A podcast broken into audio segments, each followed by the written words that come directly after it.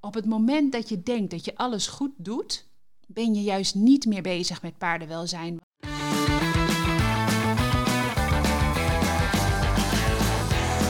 Leuk dat je luistert naar de paardenpodcast van Horse in Mind. Ik ben Rianne Dekker en in deze podcast hoor je toffe gesprekken met experts over het houden en trainen van paarden. Met al deze experts heb ik één ding gemeen en dat is dat we een wereld vol gezonde en gelukkige paarden willen.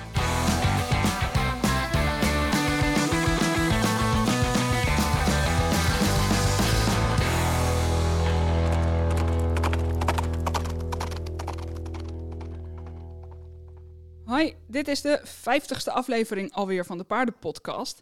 En dat betekent dus dat ik in de afgelopen anderhalf jaar 50 afleveringen heb gemaakt. Nou, ik vond het onwijs leerzaam en leuk ook, vooral om zoveel uh, professionals te spreken. En veel van deze gasten heb ik gevraagd wat paardenwelzijn voor hen betekent. En daar zijn natuurlijk heel veel interessante antwoorden op gekomen. Ik heb er vijf voor je uitgekozen en op een rijtje gezet. Voordat we gaan luisteren, uh, wil ik nog even iets heel tofs met je delen. Want komende zaterdag, de 12e, gaan namelijk de deuren weer open van de Horse in Mind community. Deze community is het membership van Horse in Mind en eens per kwartaal is het mogelijk om in te stappen.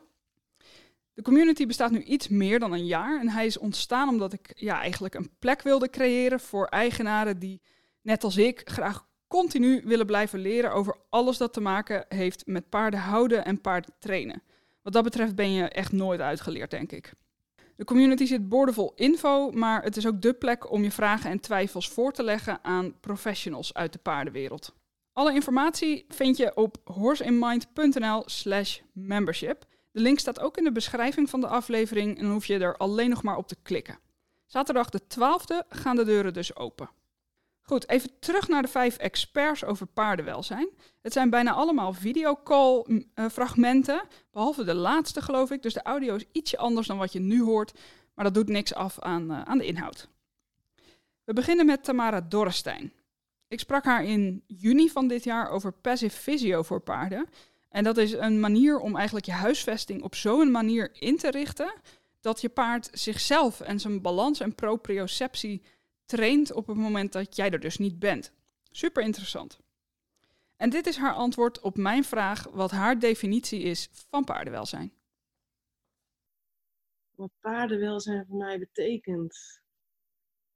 Ik denk wat paardenwelzijn voor mij betekent, is om te kijken naar wat is de blauwdruk van het paard. He, om, om dat onderzoek in te gaan voor jezelf van waar komt die vandaan, en wat zijn zijn basisbehoeftes en daarop in te spelen. Ehm, en dan denk op het moment dat je dat, je dat weet en dat je, hè, dat je weet wat, wat een paard ook nodig heeft, uh, dat je dan nou zijn, het paardenwelzijn, dus het welbevind paard, zo optimaal mogelijk kan maken binnen je mogelijkheden. Want voor mij is dat ook, weet je, wat voor plek die nu ook staat, uh, er is altijd iets op paardenwelzijn te verbeteren. Dus weet je, uh, ja, het onderzoek aangaan van ja, wat, wat is er voor jou uh, op jouw locatie uh, nu mogelijk. En dat is voor mij niet iets vaststaand, weet je, dat is in beweging en dat is ook in beweging blijven. Om ja, het optimaliseren van zijn welbevinden. Ja. Maar daarin echt naar de basis gaan van, ja, weet je, waar komt het paard vandaan? En dan heb ik hem nu heel breed, want ook hè, het paard is een paard, maar al die verschillende rassen, die hebben echt verschillende behoeftes. Dus ja, wat is de behoefte van, van jouw paard? Van waar komt die vandaan? Letterlijk. Weet je, een Arabier komt uit de woestijn. Uh, koudbloeden komen, een IJslander komt van IJsland. Maar ze hebben wezenlijk wel andere uh, behoeftes. Dus ja. Ja, ja, het is inderdaad, uh, um, je, je kan hem namelijk inderdaad op twee manieren opvatten. Je kan denken, ja, het, het paard in zijn uh, algemeen, zeg maar. Wat is de, de blauwdruk van het paard? Maar dat verschilt inderdaad ook nog best wel per, uh, per land. Ja. En, en wat daar de, de oorsprong, hoe ze daar geleefd zouden hebben, zeg maar. Want het, ja, het zit toch, het zit toch in DNA. Ja, en vanuit mijn werk zit ik natuurlijk heel erg op de omgeving van het paard en het mentale stuk van het paard. Maar dan, hè, wat jij net al zegt, van waar komt paard vandaan, ook qua omgeving. Uh, maar ook paardenwelzijn zit er voor mij ook in. Uh, weet je, is jouw paard geschikt voor datgene wat je graag met hem wil doen? En dat, uh, dat zie ik met de honden ook, weet je. Daar gaan mensen vaak aan voorbij, omdat dan een paard ziet er leuk uit of het karakter is fijn. Maar de dingen die we soms van ze vragen, passen misschien niet bij zijn lichaam of bij zijn bouw. Ja, weet je, dat is voor mij ook paardenwelzijn. Om ook je daarin te verdiepen van, hé, hey, ja, goh, waar komt hij eigenlijk vandaan? weet je, ja. waar, waar, zijn ze voor geschikt? Ja, ja. dus dat gaat heel breed, ja. Het tweede fragment is van Laura Knoops uit aflevering 29. Dat gesprek ging over een natuurlijke en natuurrijke huisvesting voor je paard. En dit is haar definitie van paardenwelzijn. Voor mij dat een paard uh, dus zijn natuurlijke gedrag kan uiten. En, er wordt wel eens gezegd of geschreven van ja, een natuurlijke huisvesting voor paarden bestaat niet. Maar ik denk wat, dat het wel mogelijk is om een huisvesting te creëren die een natuurlijke gedrag toestaat. En, en bij voorkeur zelf stimuleert. Ja, dat houdt voor mij dus ook in hè, dus dat een paard 24 uur per dag, eigenlijk 365 dagen in het jaar vrij kan bewegen. Dat het met soortgenoten is. Dat het, dat het die sociale interactie kan hebben. Maar ook dat het dus op zoek kan gaan. Uh, ik denk dat het, dat het heel belangrijk is dat, dat het paard dat kan en mag doen. Ik, ik ben er echt van overtuigd dat we het paard iets ontnemen wanneer het uh, afhankelijk is van wanneer wij iets te eten aan gaan bieden. Of uh, ja. wanneer het naar buiten mag. Ehm, om, om zelf die beslissingen te mogen nemen. Uh, dat, dat speelt voor mij wel een heel belangrijke rol in, dus in geeft, paardenwelzijn. Dus je geeft een stukje autonomie terug eigenlijk. Ja. Ja. ja. Mooie, mooie manier van daarnaar kijken, zeker. Dan nu eentje in het Engels, namelijk van Karen Rolf uit aflevering 8. Zij combineert dressuur en horsemanship en ik vind haar heerlijk positief. En die positiviteit die hoor je denk ik ook wel terug in haar antwoord. Hmm. Uh, I, I think I think it comes back to this attitude again. I um, I am very aware in every moment that I'm responsible for my horse's life experience. So I want my horse to be happy when I'm with him and training him, but I also want him to be happy like when I'm not around. I want his life to be happy. Um, so I've set up my property so that I feel like I'm doing my best with what I have, that they have the things that they need. Horses need freedom, they need forage, they need friends, they're social.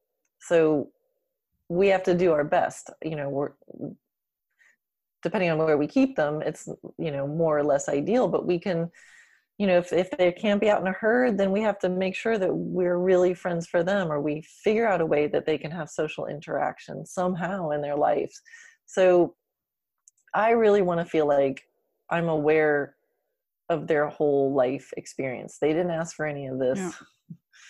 And I, I think, again, it's that attitude. Um, and then what that can look like. It's, I don't think it can be, you know, a horse has to have a certain amount of acreage I've seen really happy horses that live, you know, in areas where there's no grass and it's a small area that they're in, but because their training is so enriched and because they of the they have other horses and animals to hang out with that they have a really good life. Yeah. Um I think that's it. It's like remember, like we go in the house at the end of the day, like they're still out there. So standing in the stall, standing in the stall, standing in the stall, standing in the stall. It's all, you know, keeping them healthy mentally, emotionally and physically. Het vierde fragment dat je gaat horen is van Remco Sikkel uit aflevering 19. En ik had het met hem over hoefbevangenheid, maar zijn antwoord op, uh, op deze vraag, wat is paardenwelzijn voor jou, heeft daar niet zoveel mee te maken, maar gaat, gaat helemaal over de ethiek van paarden houden. Hmm. Uh, het is voor mij zelf is het, uh, uh, is het erg lastig. Ik ben uh, nogal een hardcore veganist. En dat is, een, daar zit een, dat is natuurlijk een enorme schaalverdeling, waarbij je ergens de lijn kunt trekken van dit valt er nog wel onder, dat valt er nog niet onder. Zelf rijd ik bijvoorbeeld geen paard. Ik heb zelf geen okay. paarden. laten we zeggen, de meest extreme vorm van veganisme zou, en daar zit ik niet bij, maar die, zou, die zijn ook tegen Donald Duck, bij wijze van spreken, niet eens bij wijze van spreken, maar tegen het gebruik van het afbeelden van dieren in de menselijke vorm. Ja. dus ik heb een, wat dat betreft een vreemd beroep, want ik zet me in voor het welzijn van gedomesticeerde dieren. En domesticatie van dieren is, dat, dat, dat wrijft, hoe zeg je dat? Dat geeft ja. frictie met, met een veganistisch idee. Ah, ja. ja. je, je beperkt dieren in, in hun voorplanting, in hun voeding, in, in hun beweging, ja, in hun huisvesting, in van alles en nog wat. Dus voor mij is, die, is dierenwelzijn of paardenwelzijn, um, als ik dat tot in het extreme zou doorvoeren, zou dat zijn dat, er, dat er geen gedomesticeerde dieren zouden zijn. Maar dat is niet realistisch om dat te denken. Wat niet wegneemt dat mijn streven in die richting wel is alles wat dichter in de buurt komt van uh, uh, ja, zo natuurlijk mogelijk of zo respectvol mogelijk met die dieren omgaan, is beter welzijn. Ehm, ik had het, er zijn natuurlijk allerlei voorbeelden over te noemen, maar ik had uh, een paar dagen geleden uh, een lichte aanvaring met iemand uh, die flinke kudde paarden had. En, en had ook een hengst. En jonge hengst, die moest gecastreerd gaan worden. En toen zei ik, het schijnt dat je zo kunt laten steriliseren. Hij zei, ja, maar waarom zou ik dat doen? Ik nou, waarom zou je, als je een paar merries hebt, je wilt geen veulens en je hebt wel merries en je hebt een hengst je wilt geen nakomelingen. Waarom zul je zo ver gaan dat je de, de, die hele hormoonhuishouding platlegt en een deel van zijn lichaam weghaalt? Zo, kunt het ook minimaliseren. Je kunt ook, uh, als je steriliseert, dan grijp je niet in op zijn, uh, zijn voortplantingsdrift, zeg maar. Ja. De hele discussie die je daarover kunt voeren, die wil ik niet. ja, maar nee, inderdaad. Die doen we nu niet, maar het is wel een interessante. Zeker. Maar dat, het was voor mij een, een ex, nou, nou niet extreem, maar een stevig voorbeeld van dat je bij uh, paardenwelzijn, dus naar allerlei aspecten van het paardenleven kunt kijken en kunt denken: is dit in mijn voordeel of in zijn voordeel? En, ja. waar, en waar ligt die grens? dus ja. als je eh, met huisvesting, met voeding, met beweging, eh, met hoefverzorging, eh, om het even bij die vier pijlers te houden, is er altijd ruimte voor verbetering. Je moet altijd ja. meer tegemoetkomen aan, ja, aan, aan, aan, de natuurlijke behoeften van het paard. Aan de andere kant is er de begrenzing van het feit dat wij paarden hebben, en willen hebben, en zullen hebben. Uh, en binnen die begrenzing uh, die kaders moeten we ons, uh, uh, moeten we ons bewegen. Tot slot hoor je het antwoord van Savanja Vermeulen. Zij is anatomie- en biomechanica specialist. En het antwoord komt uit de eerste van de drie afleveringen die ik met haar heb opgenomen. En dat is namelijk aflevering 21. Ja, dat, dat is een uh, behoorlijke vraag. En het antwoord is bij bijna iedereen anders. Ja, die geloof ik. Want anders zou het ook niet zo'n groot onderwerp zijn en zo'n groot issue en zoveel discussies uh, veroorzaken. Ja. Um, wat is um, mijn ogen paardenwelzijn? Zou ik in eerste instantie gewoon beginnen met niet? Weet je, ik, ik denk, paardenwelzijn is voor mij niet dat je altijd een happy paard hebt, want dat bestaat voor mij niet. Maar ik denk, ik ga me een beetje ombuigen, merk ik. Ik merk dat als jij kijkt naar je paard en elke keer kunt zien dat wat je, jouw paard nodig hebt, dat je hem dat of haar dat kunt bieden. He, dus op het moment is het nu nat. Is niet altijd nat, maar als je nu een droge plek kunt creëren, zeg maar, waar die af en toe zijn voeten kan drogen, dan ben je voor mij bezig met een stukje paardenwelzijn. He, of als je hoog in de sport zit en um, je nodigt eens een keer een bitfitter uit. Uh, om te kijken van, nou ja, weet je, is het bid wat ik gebruik überhaupt wel het, het, het juiste bid? Hè? Of uh, um, ga ik eens een keer proberen bidloos? Weet je, dat is voor mij bijdragen aan paardenwelzijn.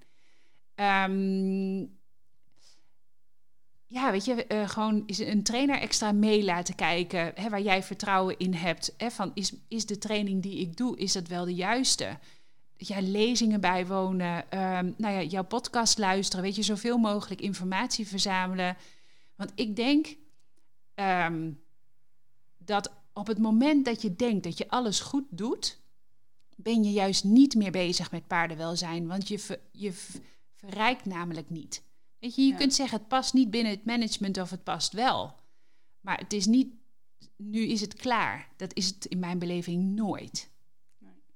Is, Oh, ik, eh, heb je daar wat aan? Ik reken hem goed. Ja, oké. Ik vind het zelf altijd heel erg waardevol om naar professionals te luisteren en zo elke keer stukjes kennis eruit te pakken die de manier verbeteren waarop ik paarden hou en paarden train. En ik ben eigenlijk wel, eh, wel heel benieuwd welk fragment jij je het meest in kan vinden. Dus dat is leuk als je dat eh, zou willen laten weten. Kan via social media, via Horse and Mind of mijn persoonlijke account natuurlijk. Eh, je mag het ook mailen, info at. En eh, vergeet niet om de Horse in Mind community even te checken via www.horseinmind.nl slash membership of via de link in de beschrijving. Volgende week is de laatste podcast aflevering voor dit jaar. Daarna ga ik eventjes vakantie nemen. Eh, maar ja, laat je er niet van weerhouden om gewoon de afleveringen nog even te luisteren die je misschien gemist hebt. Daar is dan alle tijd voor. Tot volgende week.